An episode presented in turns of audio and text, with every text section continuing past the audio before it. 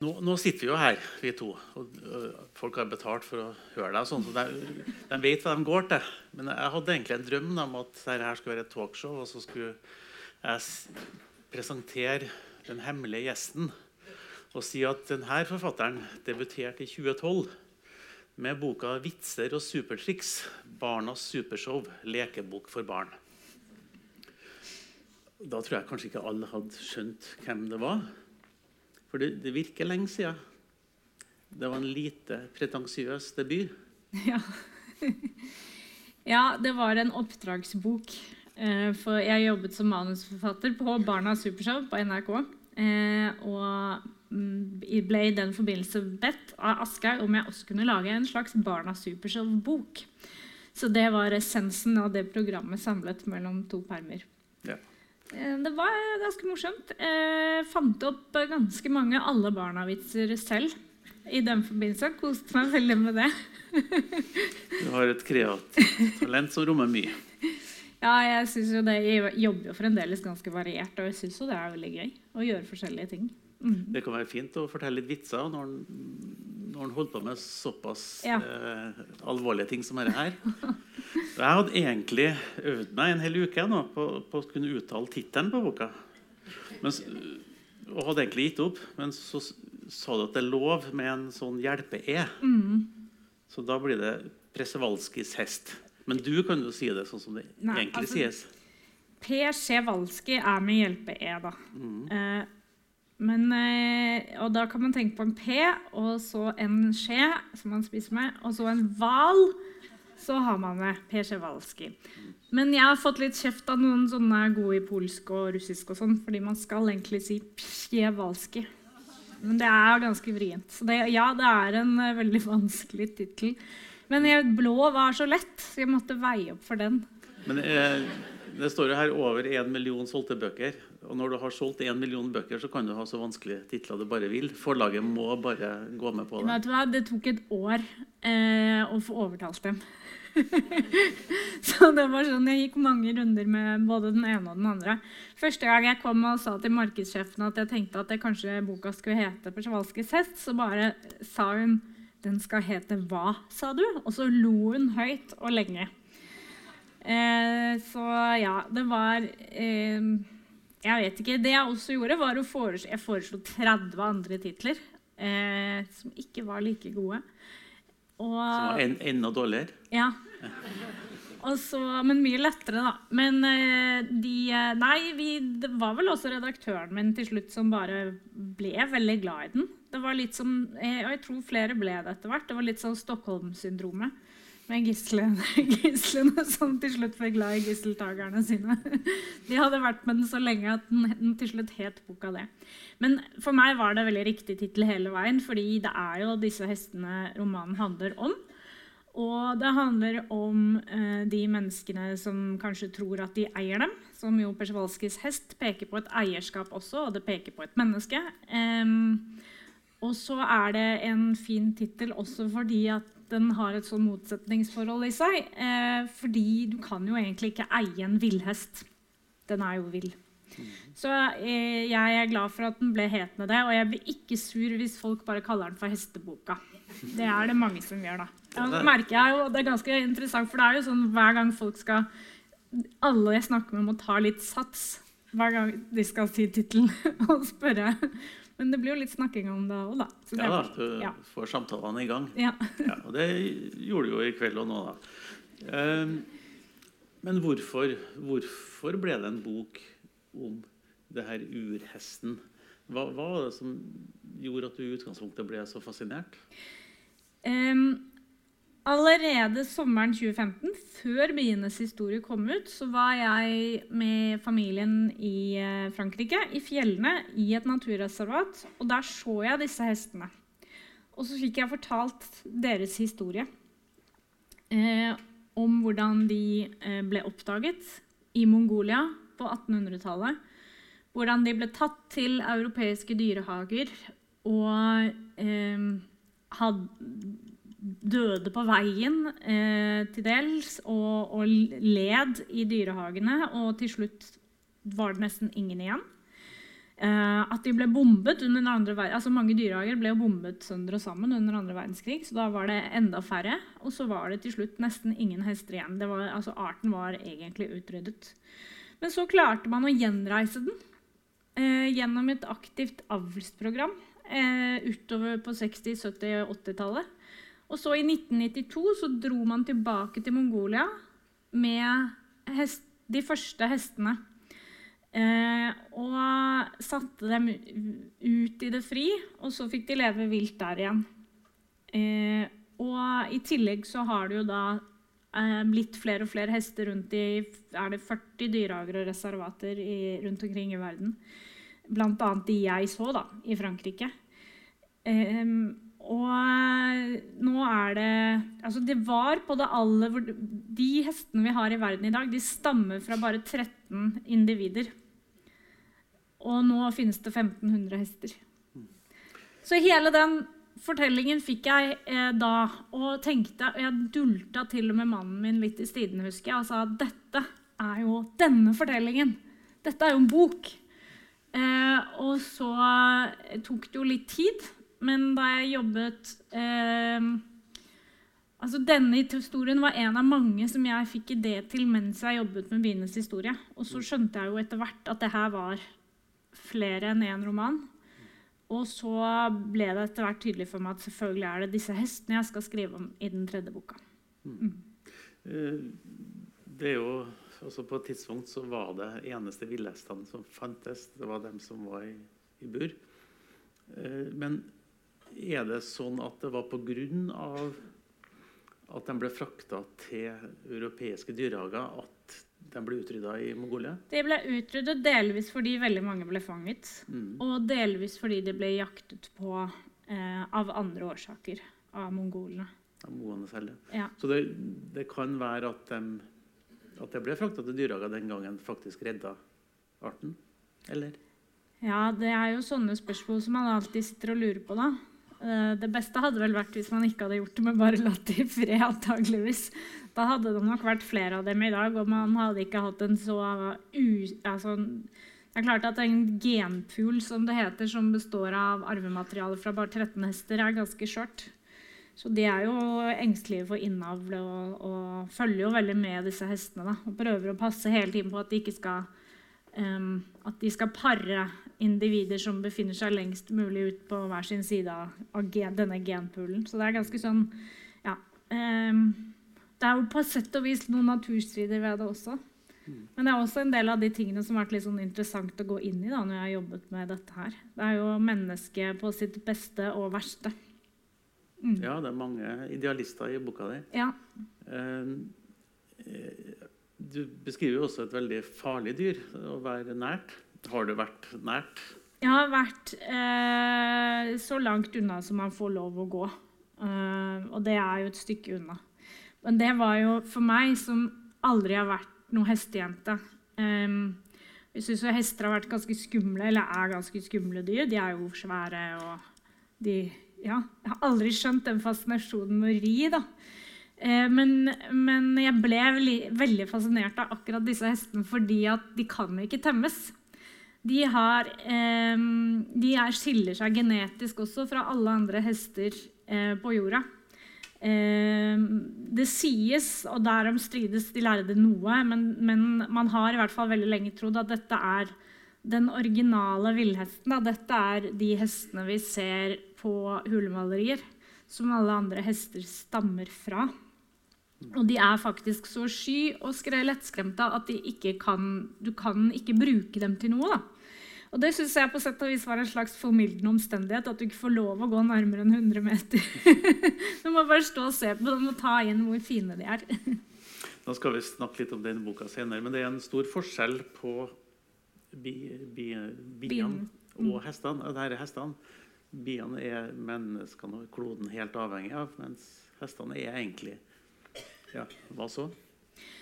Ja, Det er også noe av det jeg er problematiserer i boka, er jo um, hvorfor skal vi bruke energien vår på å redde en art som vi ikke kan bruke til noe som helst? Mm. Men det tenker du kanskje at det er? Hmm? Det tenker du kanskje at det er en vits i? Uh, jeg tenker jo mer og mer at vi alle burde snakke om naturens egenverdi. Og slutte å snakke om um, at vi skal bevare noe bare fordi vi skal bruke det til et eller annet. Men at vi faktisk skal bevare natur og arter fordi de fortjener å være her, akkurat som oss. Det aller meste av det var her til og med før oss. Uh, så det er sånn uh. Eh, som jeg pleier å si om edderkoppene hjemme, som jeg riktignok er redd for.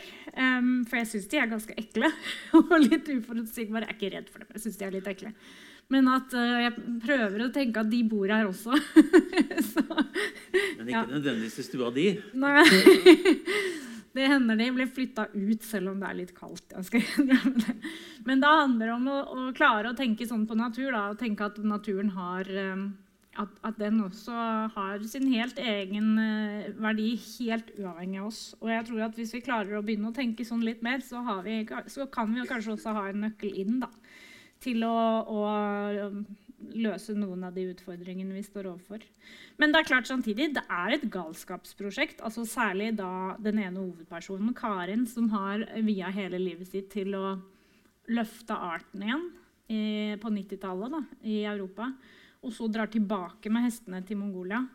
Um, og setter hele livet sitt uh, inn i dette prosjektet. Og, altså det, er, det, er noen, det, ligger jo noe galskap i det også, på sett og vis. Eller ekstremt intens lidenskap, da, som en del andre rundt henne jo har litt problemer med å forstå. Mm. For Karin er én av tre hovedpersoner. Det er, det er Mikael, som er fra St. Petersburg, slutten av 1800-tallet som får ideen om å bringe dem til Europa. Mm. Kanskje økonomisk fundert, kanskje etter hvert har det vel mange flere årsaker. Mm. Så er det Karin som 50 år Nei, det er nesten 100 år etter. Eh, eh, som du sier, da, eh, vil, vil, bringe deg tilbake til Mongolia når, når den er utrydda. Og så er det Eva, som da lever i Norge i 2062? Eller? 64. Mm. 2064, ja. Mm. Eh, det er jo en struktur som, eh, som du har liksom perfeksjonert gjennom, gjennom de tre bøkene hittil. Da, selv om det var vel bare to hovedpersoner i den forrige boka. Eh, fortell litt om de tre, da. Eh, ja, for å starte med Karin, som jeg var inne på, så er Karin veterinær. Og hun, vi møter henne når hun drar til Mongolia med de første åtte hestene som hun skal forsøke å få til å leve i det fri. Eh, og dette er hennes store livsprosjekt. Eh, det betyr mer for henne enn noe annet. Eh, Karin har eh, ja, hva skal jeg si? Hun har en bakhistorie som også er under andre verdenskrig. Som jeg ikke skal røpe for mye av nå, for da blir det ikke så spennende å lese boka. Eh, og så har hun med seg sin voksne sønn Mathias. Og Mathias er med fordi han prøver å eh, bli nykter. Eller han forsøker å, å slutte med stoff. Han har sluttet, men han forsøker å komme seg videre i livet og, og har blitt med henne. Eh, og de to har et ganske vanskelig forhold. Og uh, Karin har jo ikke vært den beste moren. Det tror jeg vel de fleste lesere også er enig med meg i. Um, og, og, så er det jo da eh, For Karins del da, handler dette om å forsøke å få disse hestene til å overleve. Og så handler det selvfølgelig om, om dette forholdet, da. Um, og forholdet også til en mann som er, er der. Um, og så er det Mikael, som du nevnte. Han er en uh, Han var en person som det var veldig lett å bli glad i da jeg begynte å skrive om han. Han uh, var der som veldig tydelig uh, med en gang, egentlig. Han har bodd sammen med moren sin hele livet. Han er eh, nestleder i St. Petersburg dyrehage, og vi treffer han i da 1881. Og han har Han er ekstremt glad i dyr, selvfølgelig. Han er ansvarlig for alle dyreinnkjøp. Og han eh, får tidlig i historien se et skinn og en hodeskalle som er flydd, eller ikke flydd, men kommet fra Mongolia. Um, og da forstår han at dette er disse sanne. Dette er huleboerhestene, så han blir helt besatt av å dra for å finne dem. Og så får han hjelp av en tysk dyrefanger som er verdensberømt. Og så drar de to alene, og det er ut av absolutt alle komfortsoner for Michael, for han har jo kost seg hjemme med mammas nystrøkne lakener hele livet. Um, og det er også ut av komfortsonen emosjonelt, fordi um, det blir en ganske nær relasjon mellom disse to mennene. Og så er den siste fortellingen. Det er Eva som bor på en nedlagt eh, en, et, et nedlagt dyrereservat i Akershus i 2064. og Hun bor der sammen med tenåringsdatteren sin, Isa. Og det er bare de to. Og rundt dem så har verden gått i oppløsning, mer eller mindre. Og her bygger jeg egentlig på, for de som har lest Blå, så bygger jeg på mye av det samme som har skjedd der, bare at vi er 24 år etterpå. Um, og Eva er kjempedesperat for å klare å bli på gården uh, hvor hun har to villhester. En hoppe og et føll. Mm. Da foreslår jeg at du leser litt. Rønne. Vi har ja. blitt enige om det her på forhånd. Altså. Men at du må høre litt fra boka, og da hadde du funnet et Skal jeg lese Ja. Fra, nesten fra starten. Som da handler om Eva i mm. nærområdet i, i 2064. Eva Heiane Akershus, Norge 2064. Da jeg dro fra gården, regnet det bare lett, men da jeg nærmet meg havna, mørknet himmelen. Det var flere uker siden siste harde regnfall, men jorden var likevel mettet av fukt. Vannet ville ikke finne noe sted å gjøre av seg, og jeg tenkte på kjelleren jeg så for meg hvordan vannet kom til å presse seg inn og legge seg på gulvet og stige. Bare Isa hadde husket å lukke kjellerdøren, den utvendige trappen ble som en bekk når det regnet mye, og sto døren åpen, ville det gjøre skaden enda større. Vi hadde melet vårt der nede. I sommer hadde jeg byttet til meg 200 kg sammalt hvete, og grønnsakene, selv om det var mindre enn jeg hadde håpet etter den våte sommeren. Dessuten 10 kg ris jeg hadde vært så heldig å få tak i for noen uker siden. Sist det styrtregnet, hadde jeg plassert sekkene høyt, men kanskje ikke høyt nok. Det regnet stadig hardere, himmelen kom nærmere, en enorm truende kropp som senket seg over landskapet. Dråpene smalt mot biltaket og lasteplanet. Mens forrige sommer var så varm og tørr at ingenting ville gro, og jeg hele tiden fryktet brann, hadde vi knapt sett solen i år. Jeg kjørte helt ned til sjøen og parkerte bare noen meter fra brygga. Heiane hadde vært et handelssted i 1500 år. Vi pleide å være stolte av historien vår. Jeg hadde til og med et lite museum hvor de tilreisende kunne se gamle smykker og verktøy som stammet fra tiden da vikingene møttes her og byttet varene sine. Smykkene var for lengst stjålet, og i bygda ellers var det ingen synlige spor etter fortiden.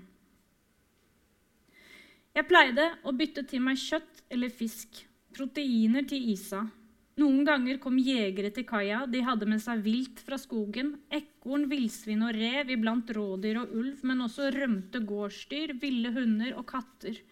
Og skjærer. Man fikk alltid skutt skjærer. De første årene etter kollapsen hadde folk snakket om at alle dyr ville dø, for økosystemet var i villrede. Når noe stoppet, stoppet alt. Men de glemte at det alltid finnes arter som tar over, som stepper inn, som tilpasser seg. Og de glemte at vi, menneskene, tok mindre plass enn før. De artene som klarte seg, hadde det bedre enn noen gang. Det var ikke alle fugler som greide seg uten insekter, men alteterne, som kråkene og skjærene, ble det stadig flere av. De spiste det de kom over. Nøtter, kompost, småfugler, åtsler, brunsnegler, mark, andre fuglers egg. De var aldri kresne, slo seg ned hvor som helst, matet skrikende unger i fulle reder, avlet de ble bare større og større, skled over himmelen, skrek med rust i stemmen, lå alltid der oppe over oss som om de eide verden. Det siste halve året hadde færre og færre mennesker kommet hit på fredager. Nå hendte det til og med at kaia lå folketom. I dag satt en enslig fisker ved båten sin. En mann, de var alltid menn, de som ikke hadde følge. Jeg kunne ikke se noen andre enn ham og tok derfor sjansen på å åpne bildøren, ta kurven min med meg og gå bort til han. Fra en sprukken isoporkasse stirret en torsk opp på meg. Den var bare et par kilo, men stor nok for Isa og meg. Jeg sa jeg ville kjøpe den, og tilbød han de tre eggene jeg hadde med meg. Fire, sa han. Tre, sa jeg, det er alt jeg har. Torsken har vært mer enn tre, det veit du. Jeg tipper du er lei av fisk, sa jeg. Jeg tipper du virkelig har lyst på egg. Han stirret på meg med øyne som smalnet. Jeg har et par måker, sa han så. Du kan få den ene for eggene dine. Han pekte ned på dekket. Der lot det to døde fugler, skutt begge blodige. Noen søstre og brødre av dem seilte over himmelen, skjente innover båten som om de var fornærmet over drapene. Vi spiser ikke måker, sa jeg. Det er for få av dem. Du må slutte å skyte dem. Dessuten smaker de vondt. Det er bare å krydre skikkelig, så kjenner du ikke transmaken. Jeg vil heller ha fisken din. Ja, det skjønner jeg godt. Den er fersk. Jeg dro den opp i går. Fersk og rein. Den er ikke ren, det vet du like godt som meg. Jeg gir deg tre egg. Jeg skal ha fire. Hør her, sa jeg. Jeg har en datter. Hun vokser fremdeles. Vi trenger eggene våre selv. Jeg har to sønner, sa han. Tvillinger på åtte. Jeg ser dem sjelden, er ute hele uka, og nå er det så lite fisk at jeg snart må være ute i helgene også. Jeg har også en sønn, sa jeg, og en mann. Vi er fire som deler på maten. Jeg kjente noen dråper fukt renne ned langs halsen. Jeg ville bare hjem, vrenge av meg regntøyet, steke fisken, dele den med Isa og bli ordentlig mett. Tre egg, prøvde jeg meg en siste gang. Vær så snill, det er alt jeg har med meg. Jeg tok hånden opp til halsen og forsøkte å tørke meg, og kanskje var det den bevegelsen som fikk blikket hans til å begynne å vandre nedover mot brystene og hoftene, alt som var skjult av det uformelige regntøyet. Hvor gammel er du? sa han. Så han var en av dem. Jeg angret på hånden på at jeg ikke hadde klart å stå helt stille. Jeg er for gammel for deg, sa jeg. Jeg forsøkte å rette meg opp og gjøre ryggen rak. Du kan få fisken gratis, sa han. Kahytten er varm. Ja, harde tider. Hard valuta. Ja. Eh, 2064. Det er ikke lystelig eh, sånn som det er, og bedre blir det ikke i løpet av boka. Nei Ja, Det kommer jo noen, da, inn i dette livet. ja da, det gjør det. Og jeg vil vel kanskje si at jeg føler at det ligger noe lys der. Mm. Ja, nei, det, det gjør det absolutt. Men, men sånn rent forutsetningsmessig så, så går det ikke bedre. Det, Det- er ikke noe, det er ikke noe solskinnshistorie for klodens framtid. Det er det definitivt ikke. Nei. En dystopi. Jeg bruker ikke det ordet selv. Eh, men jeg arresterer da ikke, altså. Eh, men for meg er dette en roman. Ja. Eh, og jeg, jeg bruker aldri noen andre merkelapper enn det, egentlig. Men folk kaller det jo mye forskjellig. Noen kaller det jo politisk, andre sier feministisk. Dystopisk er jo Men det her, her er en, en verden som har opplevd en naturkatastrofe.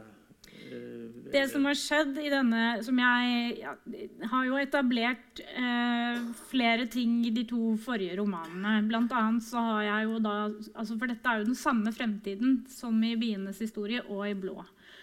Og det som har skjedd, er jo at det har vært en kollaps i naturmangfoldet, eh, som vi jo ser begynnelsen på nå.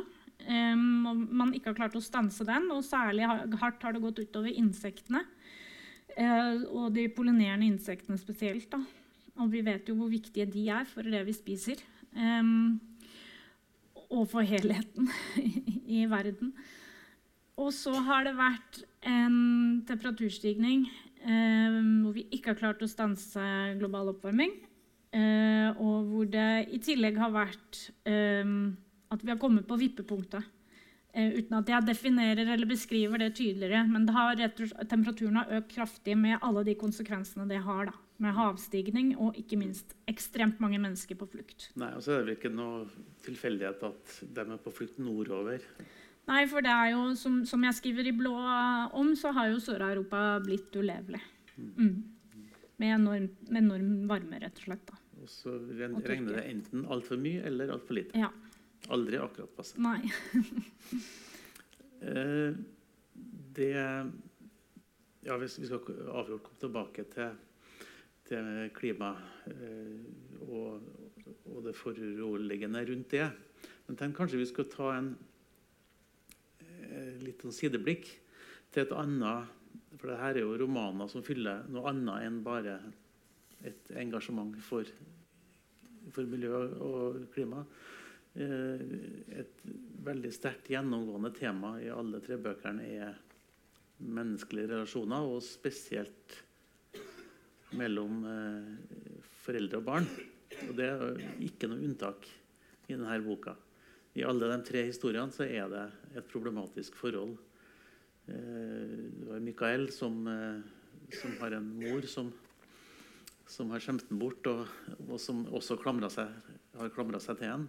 Ja, det har vel blitt klamret begge veier. Ja. ja.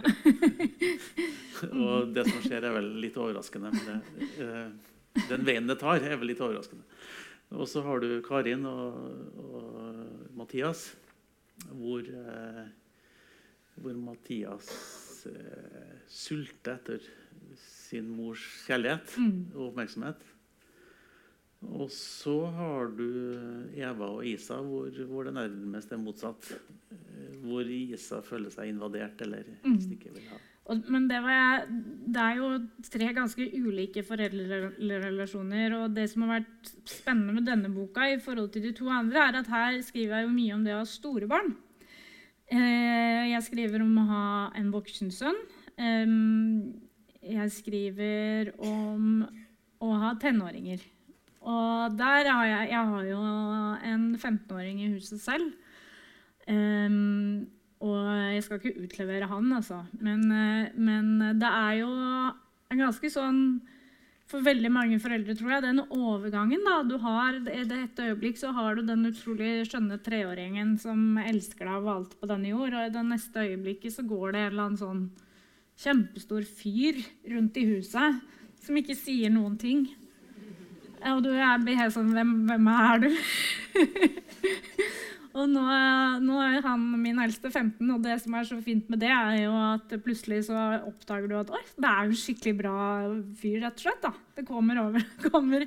Det er jo det som er så gøy med å ha barn, at du, du kommer jo inn i nye faser hele tiden. Og så tror du at oi, det skal være sånn som dette for alltid, men heldigvis så skal det jo ikke det. Særlig i 14-årsalderen tenker jeg jo mange er glad for at det ikke varer evig. Eh, men, eh, men, Isa er jo Hun har jo beveget seg inn i dette, ja. Og det blir for henne eh, Hun har jo også en egen stemme i romanen. Hun har sluppet til Hun skriver brev til nabogutten som ikke lenger er der. Som hun dumper i en postkasse som aldri blir tømt. Um, og da får vi også hennes blikk på moren sin som er selvfølgelig så fylt av ambivalens som det gjerne er for 13-åringer. Eh, men som blir ytterligere altså forverres jo av at det bare er de to i den klaustrofobiske sfæren. Da, for alle rundt dem har dratt for å prøve å finne et bedre liv et annet sted. Fordi det har blitt, uh, altså samfunnet som vi kjenner har gått i oppløsning pga. de her store flyktningmassene som har kommet. Så har de ikke klart eh, å opprettholde det vi kjenner som Norge i dag. Da. Mm. Eh, så, mm. det blir jo antyda både at det er en styrke og en svakhet at de ikke drar. Ja, og det er jo eh, Det gir jo ikke boka noe klart svar på heller. Eh, hvem av dem, Jeg vet ikke hvem av dem som har rett, egentlig. Fordi Isa vil jo at de skal dra, sånn som alle andre har gjort. Og, og Eva vil at de skal bli, og mener at det er det tryggeste. da. Eh, men, eh, men, eh, det blir veldig klaustrofobisk da, med, med disse to i den ensomheten. Og det er så naturstridig òg, fordi hun skal jo ut og oppdage verden og være med andre mennesker.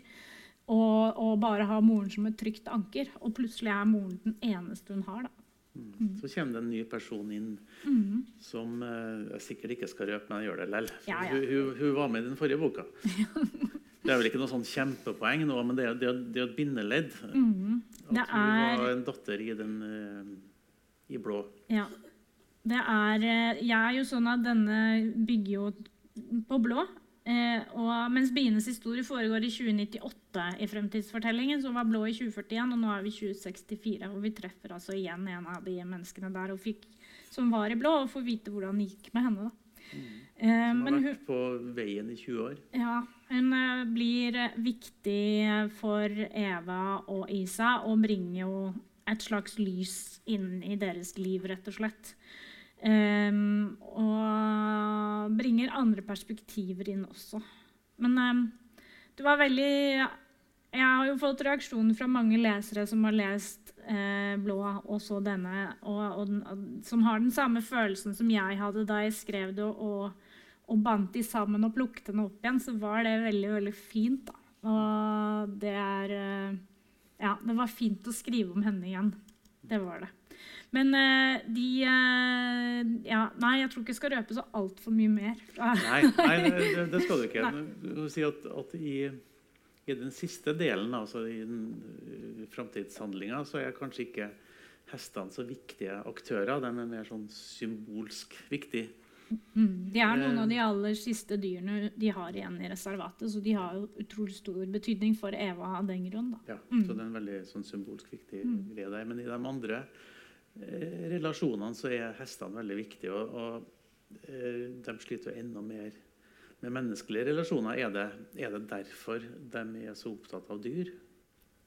Av hestene? Fordi de ikke fikser eh, det mer basice Mikael er ikke er jo, Jeg prøver jo aldri å legge svaret i leserens munn, da, så det er jo ja. din tolkning, det. Ja. Det kan være et, det kan godt være sånn. en problemstilling du har tenkt over? Eh, jeg har jo tenkt over at spesielt Karin har, har engasjert seg kraftig i de søstrene, ja, fordi det har vært så mye annet som har vært vanskelig. Mm. mm. Hvordan, hvordan kom du fram til en sånn morsrolle som det? For den er, den er jo ganske fæl, er den ikke det? Ja. Samtidig så er det jo sånn at noen foreldre funker bedre for noen typer barn enn andre.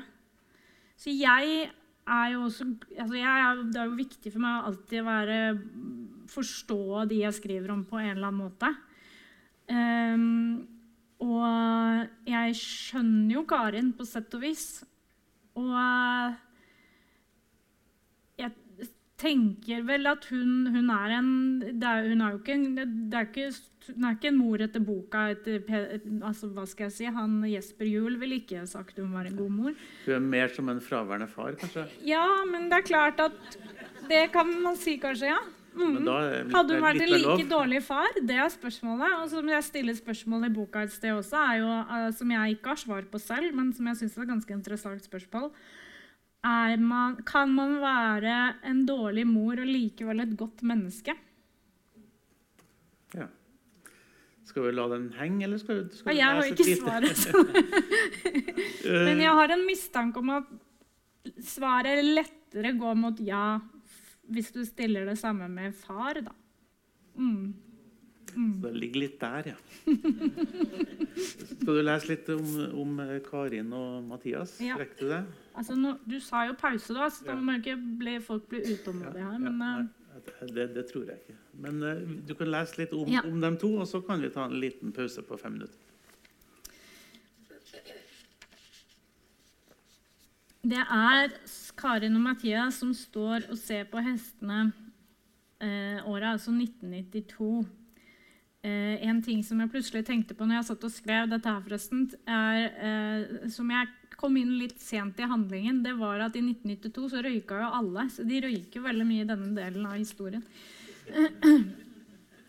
Eh, de har ikke sluppet løs hestene ennå. De har dem innenfor gjerder. Det er noe jeg aldri har spurt deg om, Karin. Jeg svarer ikke. Karin? Ja. Hvorfor ble det akkurat hester? Jeg fortsetter å skuffe høy. Dype bevegelser, bøye meg, løfte, la høyet dale over til den andre siden av gjerdet. Hunder er kjedelige, sier jeg kort. Kyr er bare nyttedyr. Griser stinker.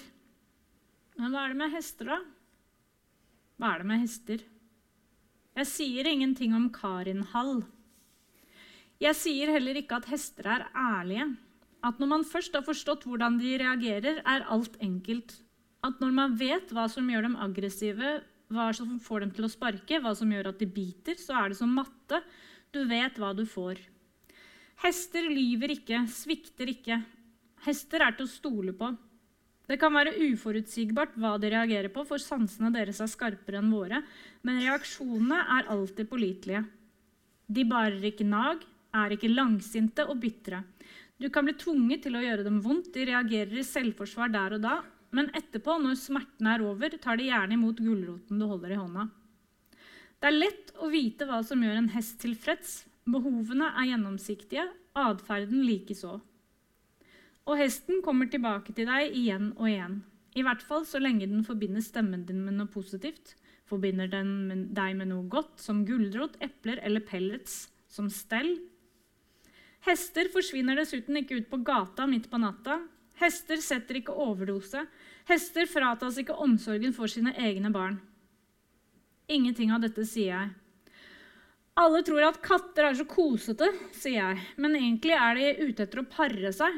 Visste du det? At det er derfor de stryker seg sånn inntil beina på deg? Jeg er ikke overraska, smiler Mathias, og det ser faktisk ut som han liker svaret. Da tar med at uh, ja. At når, eh, når, han snakker til Karin i starten, så snakker han til mora si, men han, Ja. han bruker ikke mor. Han, han sier ikke mamma. Nei.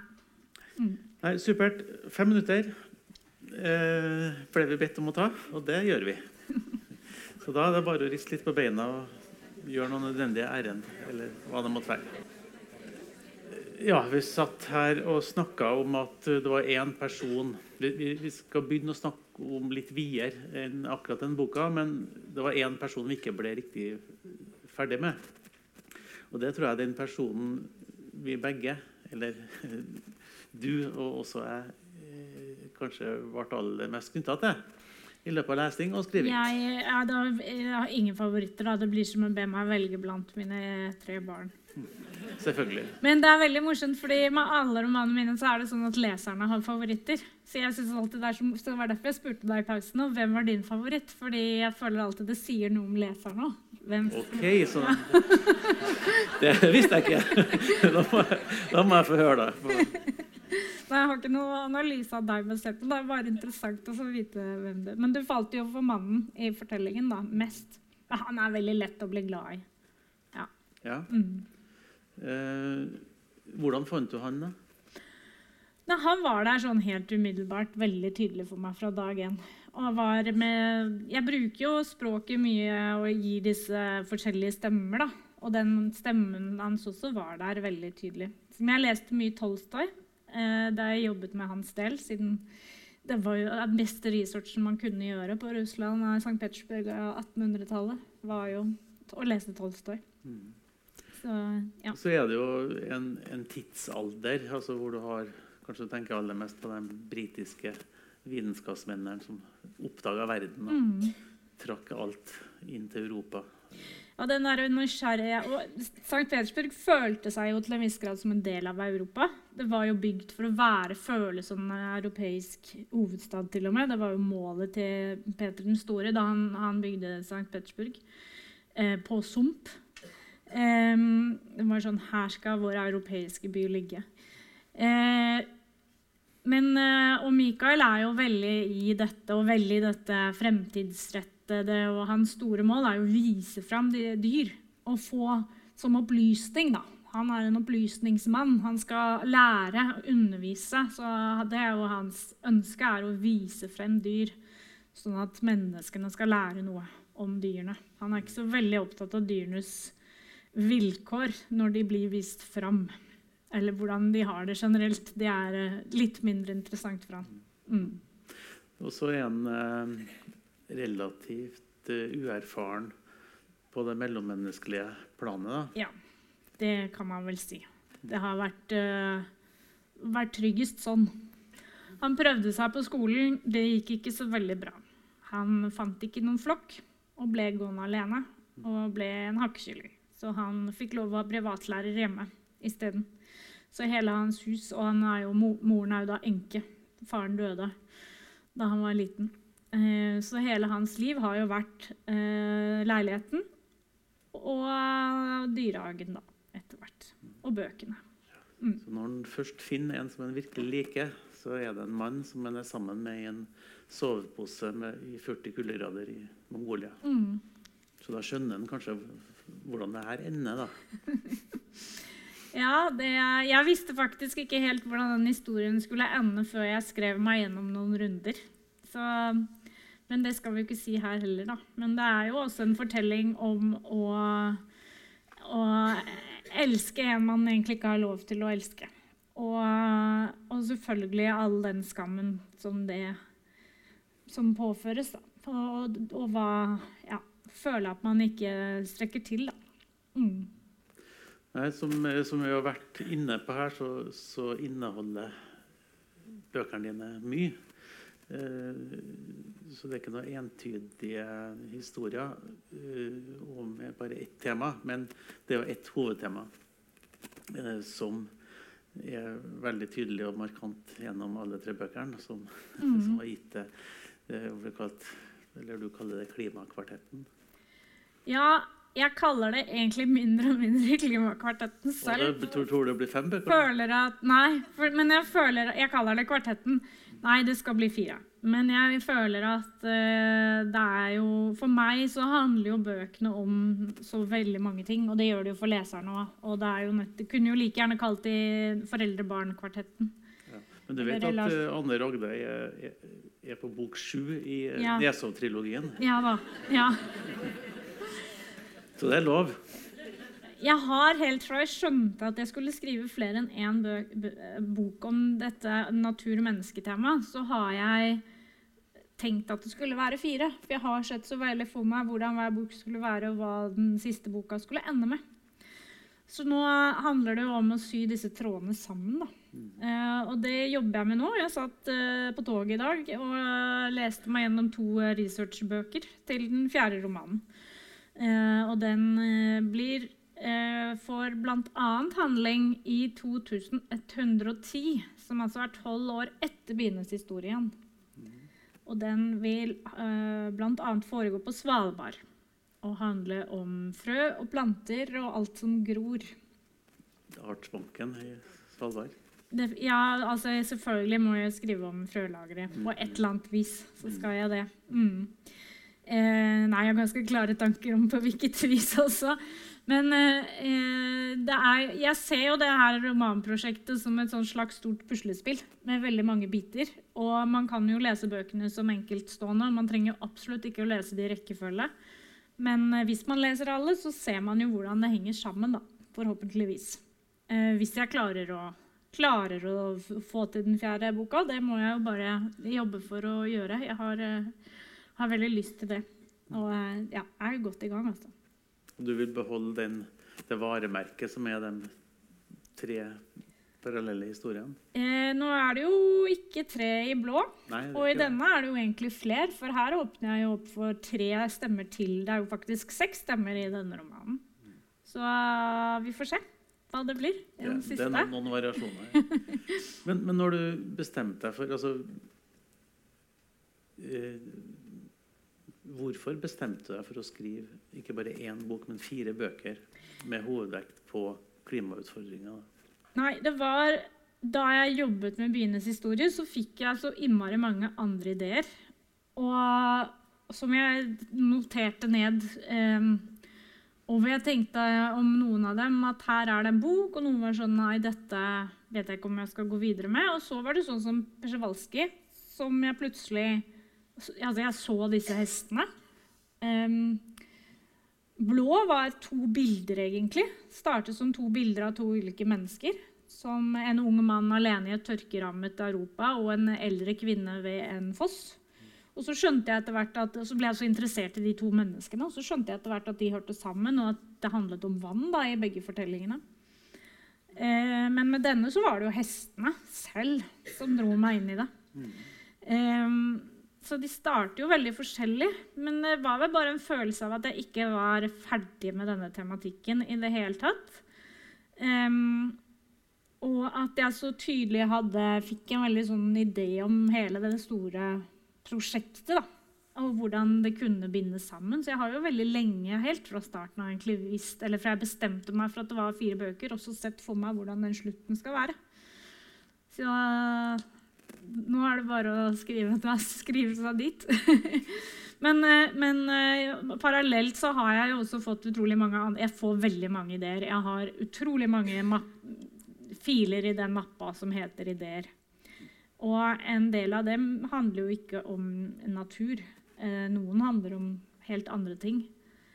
Um, alle handler vel på sett og vis om foreldre-barn, tror jeg. Men ja. Men, du har eh, vært veldig, veldig, opptatt av det. Jeg, jeg leste en plass at du skrev en novelle da du gikk på barneskolen, som handla om noen som hadde sin siste måltid på planeta Jorda, for de måtte flytte, for det var ikke mulig å bo på jorda lenger. Ja, jeg, I forbindelse med liksom flytteprosesser og sånn, så har jeg ryddet en del. Og da har jeg sittet og bladd gjennom alt det jeg skrev som barn og ungdom. Og det er veldig likt. Det er nesten litt så skremmende likt det jeg skriver i dag. Eh, en yngre stemme, da. Men, men, likevel så var det særlig noen av de der som, som meisler seg ut. Og det, den spesielt er en sånn fortelling hvor en familie sitter og spiser frokost. Så vi er da innenfor hjemmets fire vegger og i en familierelasjon og den, de, hva de sier til hverandre og sånn. Og så er det det at de må flytte fordi jorda har blitt helt ulevelig. Og det er egentlig det det hele handler om. Da er de fire som sitter av. Så det jeg, skrev, jeg tror jeg skrev den da jeg var 13 eller noe sånt. Eh, tydeligvis har dette pågått oppi hodet lenge. Så, så, leste jeg vel også at du var åtte måneder når du gikk i ditt første demonstrasjonstog. Ja, jeg gikk ikke da. Men nei. men du var med? Jeg var med. Ja, så det er ikke et blaff, det er ikke et moteblaff, det engasjementet her? Mm. Jeg har kommer fra et hjem hvor vi snakket om store ting rundt middagsbordet. Det gjorde vi, og det er jeg veldig glad for. Det prøver jeg også å gjøre med ungene mine. Vi, de lever jo, Barn i dag, mye mer enn jeg gjorde, lever jo ikke i noen boble. De har uh, Internett 24-7 og får med seg det som skjer. Og Derfor er det ekstra viktig å snakke ordentlig med dem om det som skjer. Uh, og både være ærlige, men også prøve å ikke, ja, ikke gjøre det for svart, da. Mm. Når, når, du eh, begynte med det her, altså kvartetten, da, så var det jo en del eh, fokus på klima.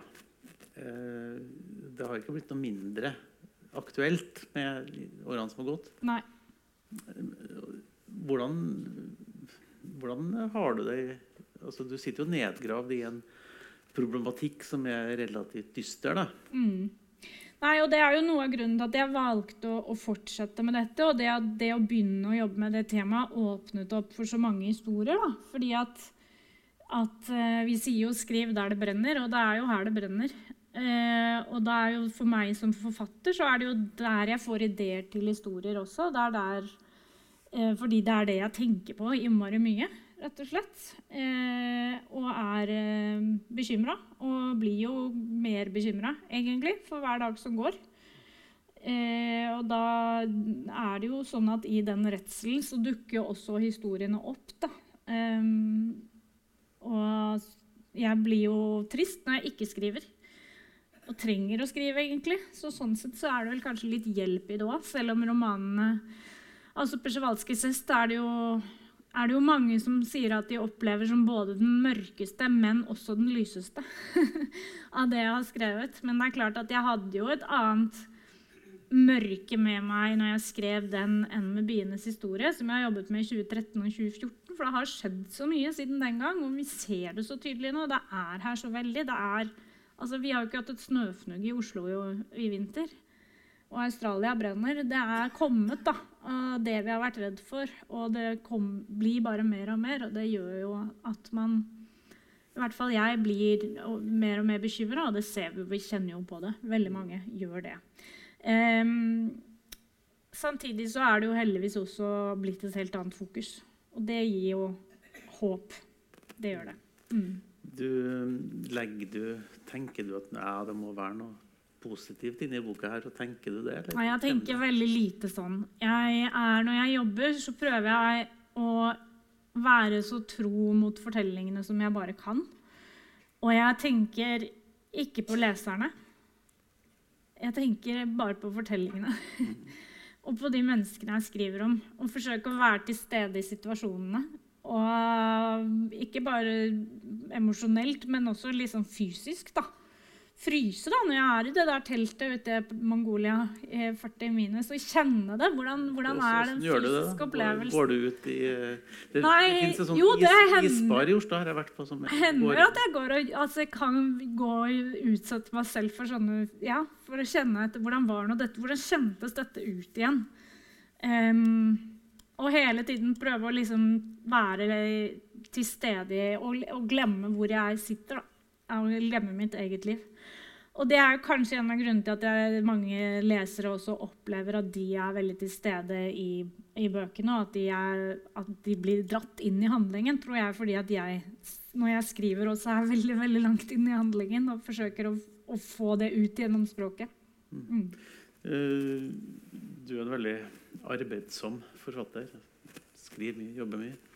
Uh, men du jobber også mye med altså, Du er jo en veldig populær forfatter, ikke bare i Norge, men eh, i mange land.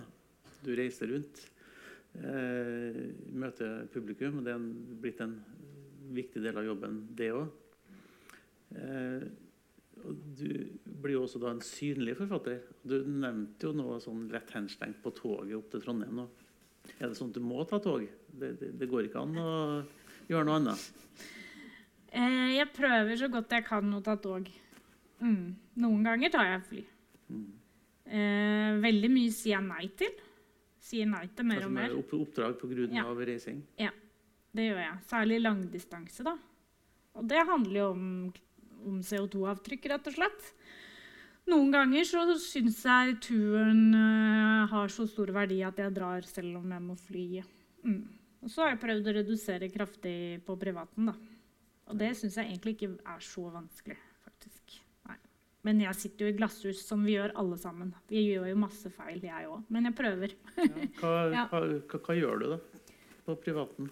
Nei, eh, vi, prøver, vi har definert at vi bare skal fly privat én gang i året i Europa. Ikke lenger enn det. Hvis vi skal fly lenger, så må vi ta et flyfritt år.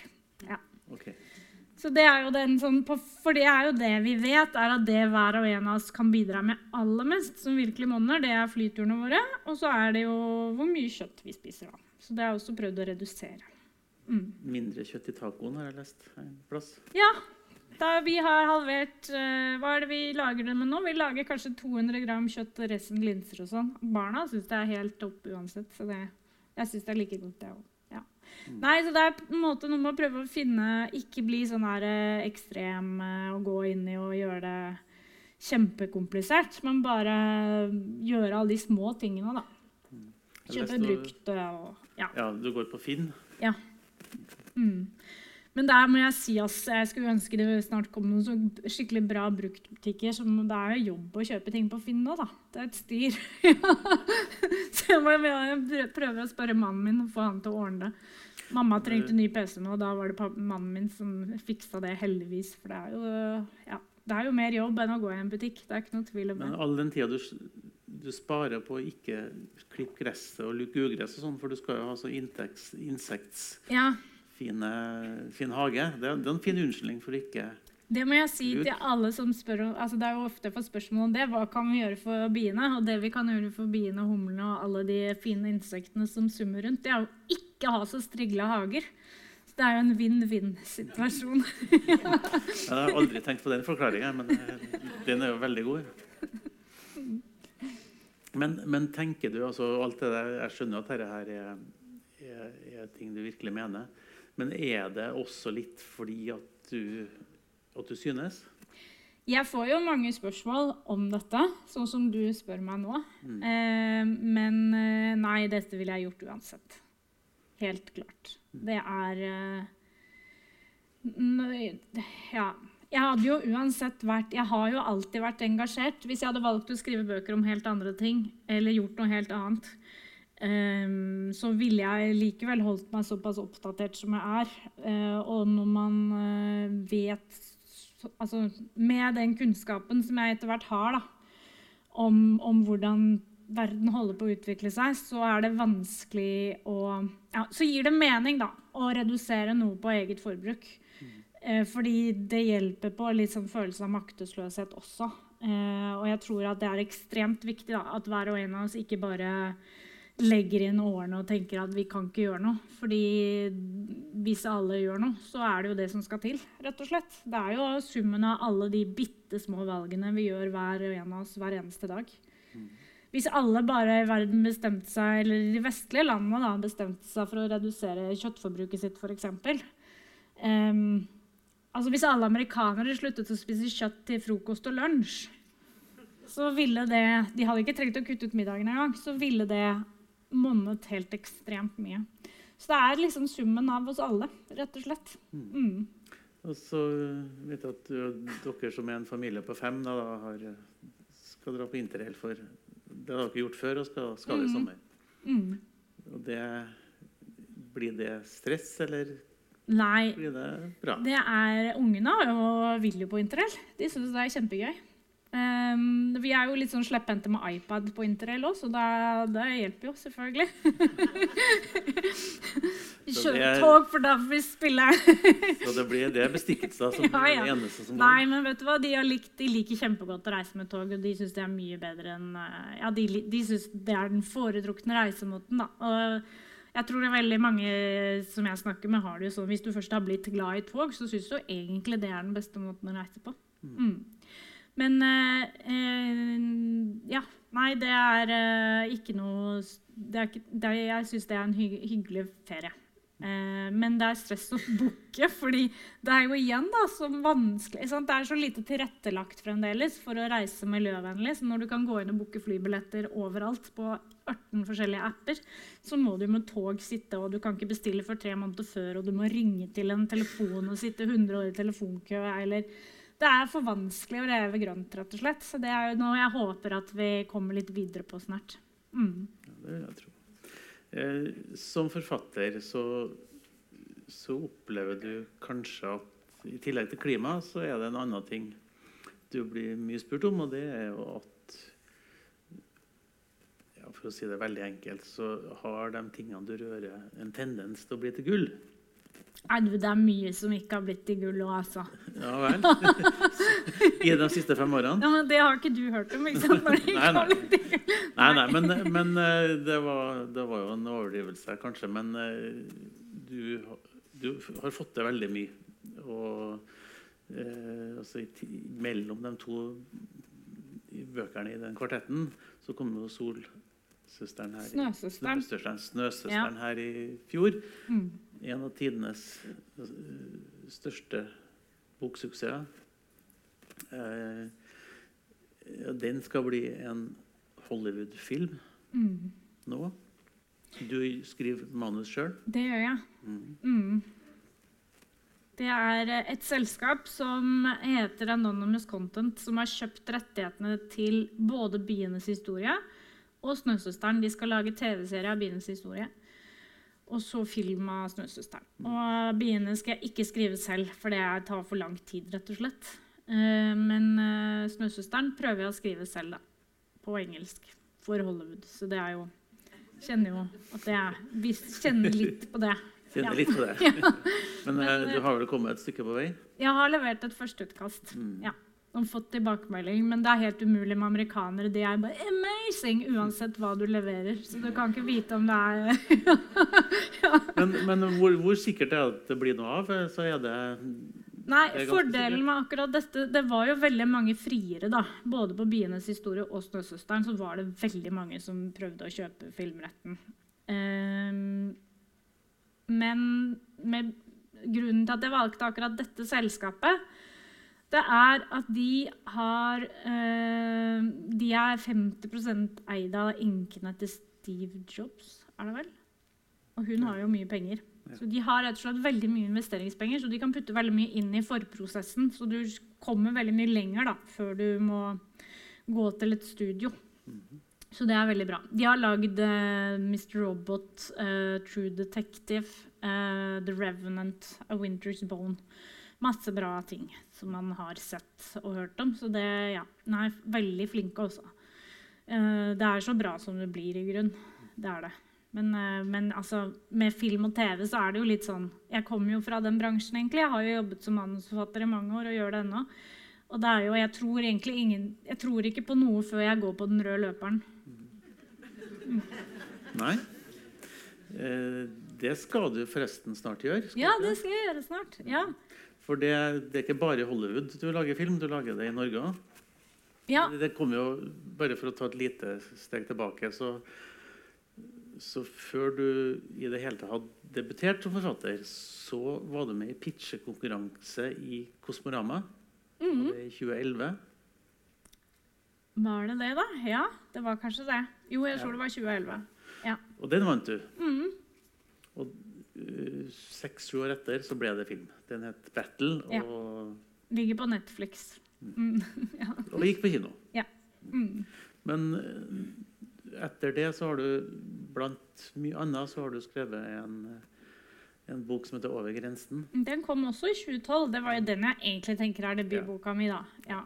Det er et skikkelig hjertebarn. Den har jeg vært, ja, nei, Det er sånn prosjekt som jeg har vært så glad i hele veien. Og jeg har reist rundt og besøkt sikkert 5000 skolebarn med den boka. Den handler om fire barn som rømmer sammen fra Norge til Sverige under andre verdenskrig, og to av dem er jødiske. Mm. Og den er jo basert på de historiske hendelsene og hva som skjedde med norske jøder høsten 1942. Eh, men disse fire barna har aldri levd. da. Men jeg har prøvd å legge fortellingen ganske nært på ekte flukthistorier. Eh, og så er det en av de veldig få barnehistoriene egentlig, som finner fra, fra andre verdenskrig eh, i Norge.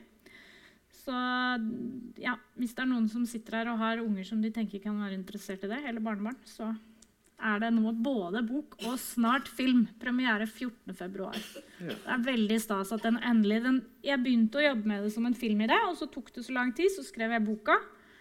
Og nå er det endelig blitt film til slutt. Det er veldig fint. Og de er så fine, de barna som spiller. òg.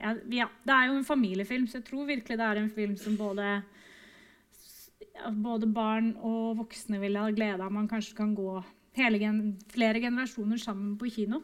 Eh, det er jo sånn så man, Med en gang man åpner opp det for det temaet, så kommer det så mange fortellinger. Det er sånn at Alle familier har sine fortellinger fra andre verdenskrig. Og dette er jo ungene kjempeinteressert i. det. De bare har på en måte, Man har kanskje aldri hørt om det før, ikke sant? fordi det har aldri vært, man har aldri begynt å snakke om det. Så det er det jeg merket når jeg har vært rundt, uh, og, og, når jeg snakker med voksne om det for den del, og så kommer det alltid så masse historier, og det er så fint. Mm. Å minne oss om at dette er faktisk vår nære historie, som veldig mange barn ikke vet. da. Ja, og så er det jo en del som er på flukt i våre dager. Som Dessverre så er det jo sånn at den tematikken har jo blitt eh, enda mer relevant. Eh, nå er det jo like mange barn på flukt, flukt i verden som det var under andre verdenskrig. Eh, og det sitter jo i veldig mange norske klasserom så sitter det jo unger som har opplevd flukt, eller unger med foreldre som har flyktet. Så det er jo en tematikk som barn forholder seg til i dag også, dessverre. Mm. Uh, og For å nevne én ting til da, som uh, du kommer med i år, så er det en ny barnebok som Lisa Aisato, mm. som du jobba med 'Snøsøsteren'. Mm. Nå skal vi hoppe til Wirkola. Ja. ja. Mm. Tenker du på Snøsøsteren eller på hennes egen bok? I, nei, begge. Ja. Men eh, nei, det er jo Vi har jo bestemt oss veldig tidlig for at vi hadde lyst til å lage flere bøker sammen. Og jeg hadde noen ideer Så med en gang eh, vi ble enige om hvordan Snøsøsteren skulle være, så tenkte jeg at disse andre ideene også kunne lages på samme måten. Det, og det er faktisk sånn at det er tre årstidsbøker da, til. For 'Snøsøsteren' er på en måte vinter. Og så kommer det en vårbok nå til høsten. Eh, og så skal vi lage sommerbok og, og høstbok. da. Eh, og Den nye heter 'Solvokteren'. Og det er, eh, som 'Snøsøsteren', også en bok som jeg håper både barn og voksne skal like. Jeg tenker ikke på det som en barnebok, egentlig. Jeg tenker på det som en allbok. Mm. Eh, som jeg sa, så jobber du hardt. Og jeg blir jo imponert når du sier at du også sitter og snakker alvorlig med barna dine om ordentlige ting. ikke alltid, altså. ikke alltid, nei. Hender du ligger på og ligger på sofaen og ser på en dårlig TV-serie? Absolutt. Det gjør det. Og spiser taco med kjøtt? Ja, spiser taco med kjøtt også. Det, ja. Som jeg sa, jeg er ikke, ikke perfekt. Nei. Nei. Det var veldig godt å høre. Og jeg har skikkelig mye på Facebook og surrer masse. Mm. Så det er bare, men jeg har sånne skrive... Er, av og til også ser jeg at det kommer en del ut, men som av veldig mange andre bruker masse tid på å synes at jeg selv bare surrer altfor mye. Og så skriver jeg plutselig veldig fort og glemmer alt. Men jeg bruker ofte lang tid på å komme meg dit. Mm. Men på en hel togtur fra Oslo til Trondheim så må du rekke et par bøker, da. Ja. Nei da. Jeg har lest hele dag. ja. mm. Veldig fint. Eh, tusen takk. Nå takk tror jeg vi er ved veis ende, men dere har mulighet til å snakke med Maja og få signert bøker. Eh, da ja. sier vi tusen takk. Takk for meg.